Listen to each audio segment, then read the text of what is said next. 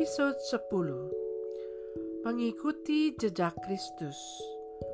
Buku pertama. Nasihat-nasihat untuk hidup rohani. Pasal 10 Hal menghindari percakapan yang tidak perlu. Ayat 1 Hendaklah kita sedapat mungkin mengundurkan diri dari keributan suasana di sekitar kita. Sebab banyak mempercakapan kejadian-kejadian dunia itu pengaruhnya sangat merugikan.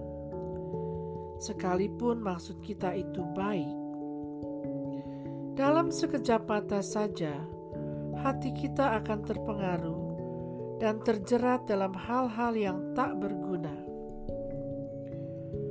Bukankah kita sering kali telah merasa menyesal atas pembicaraan kita yang berlebih-lebihan dan menyesal juga bahwa kita terlampau banyak berkumpul dengan orang banyak?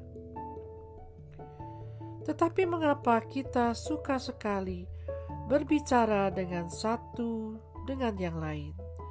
Meskipun sesudah berbicara-bicara itu, kita jarang sekali kembali dengan hati tentram. Apa pun sebabnya, ialah karena dengan pembicaraan itu kita mencari hiburan dan ingin membuka hati kita yang tertekan oleh bermacam-macam pikiran.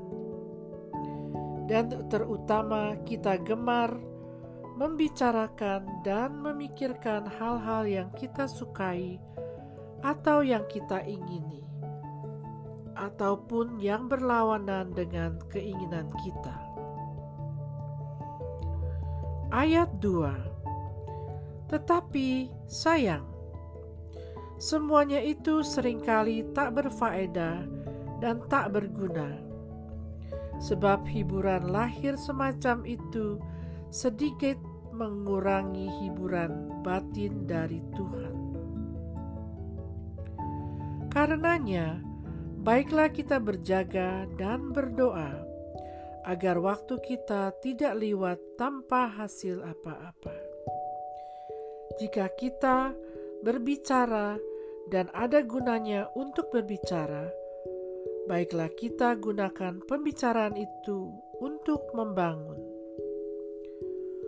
Kebiasaan kita yang salah dan kelalaian kita atas kemajuan dalam kehidupan rohani itulah yang banyak menyebabkan kita tak menjaga mulut kita lagi.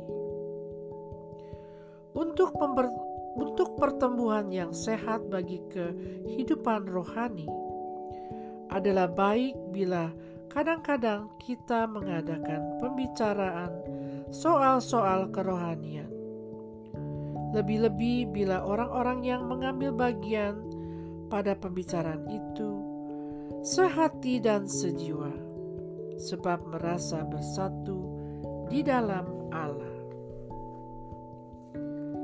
Dikutip dari The Imitation of Christ, ditulis oleh Thomas A. Kempis, ahli bahasa oleh J.O.H.